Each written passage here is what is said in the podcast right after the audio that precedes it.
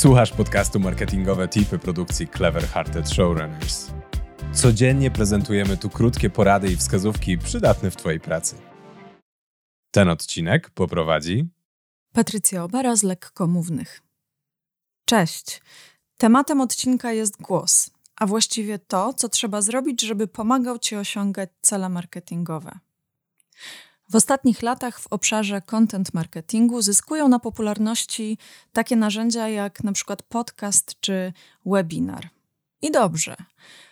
Natomiast chciałabym zwrócić w tym odcinku Twoją uwagę na jeden ważny aspekt, który w tych narzędziach jest wykorzystywany. Bo jasne, merytoryka jest ważna, ale ważna jest również forma, i nie chodzi tutaj tylko o odpowiednie oświetlenie czy odpowiedni montaż, ale też o to, w jaki sposób osoba prowadząca dany webinar, prowadząca dany podcast będzie używać głosu.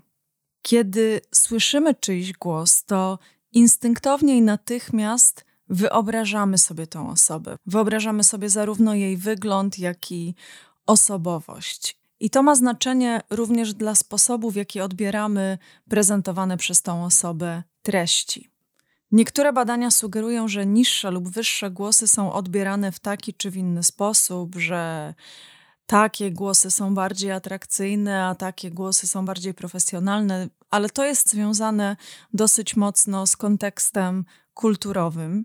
I jedno jest pewne: Głos będzie miał wpływ na zaufanie odbiorców, i największe zaufanie będą wzbudzały głosy najbardziej autentyczne.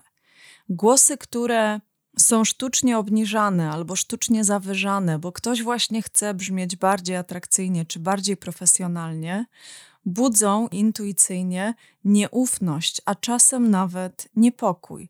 Czujemy, że coś się w tym głosie nie zgadza, że ktoś próbuje udawać kogoś innego, że coś w brzmieniu tego głosu nie pasuje do tej większej całości, i to powoduje automatyczne wycofanie zaufania.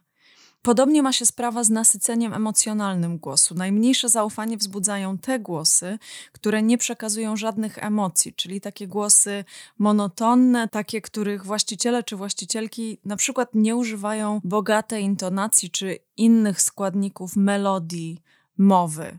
Mogą to być pauzy, może to być różne natężenie głosu, może to być różna wysokość dźwięków, może to być też zmiana tempa w odpowiednich momentach.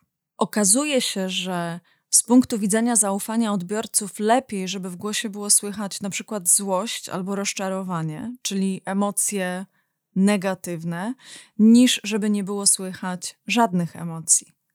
A tak się często dzieje wtedy, kiedy na przykład czytamy przygotowany wcześniej tekst, że jesteśmy od niego emocjonalnie oddzieleni i nasi odbiorcy to słyszą. Kiedy mówimy monotonnie, czyli właśnie wtedy, kiedy czytamy albo recytujemy coś z pamięci, to sprawia takie wrażenie, jakbyśmy my sami nie byli zainteresowani tym tekstem, który wypowiadamy. Więc w sumie, dlaczego nasi odbiorcy mieliby być? Do jakiegoś stopnia znaczenie będzie miała też stabilność głosu, to znaczy głosy brzmiące pewniej będą wzbudzać nieco większe zaufanie niż głosy niepewne, drżące, wycofane, choć niewątpliwie to będzie miało większe znaczenie w kilkunastosekundowej reklamie niż w podcaście czy webinarze, który trwa kilka, kilkanaście, kilkadziesiąt minut i jeszcze dużo można nadrobić merytoryką. Jakie z tego płyną wnioski dla Ciebie? Po pierwsze, jeżeli poszukujesz osoby, która ma poprowadzić Twój podcast czy webinar, to oprócz przygotowania merytorycznego możesz zwrócić uwagę na jej przygotowanie czysto pod kątem wokalnym. Po drugie, jeżeli to Ty masz zamiar produkować takie treści osobiście, przyjrzyj się temu, jak pracuje Twój głos. Jeżeli zauważasz u siebie któreś z tych problemów, o których wspomniałam, to pamiętaj, że można nad nimi pracować. Większość z nich da się rozwiązać albo odpowiednim zarządzaniem stresem, albo pracą nad emisją głosu.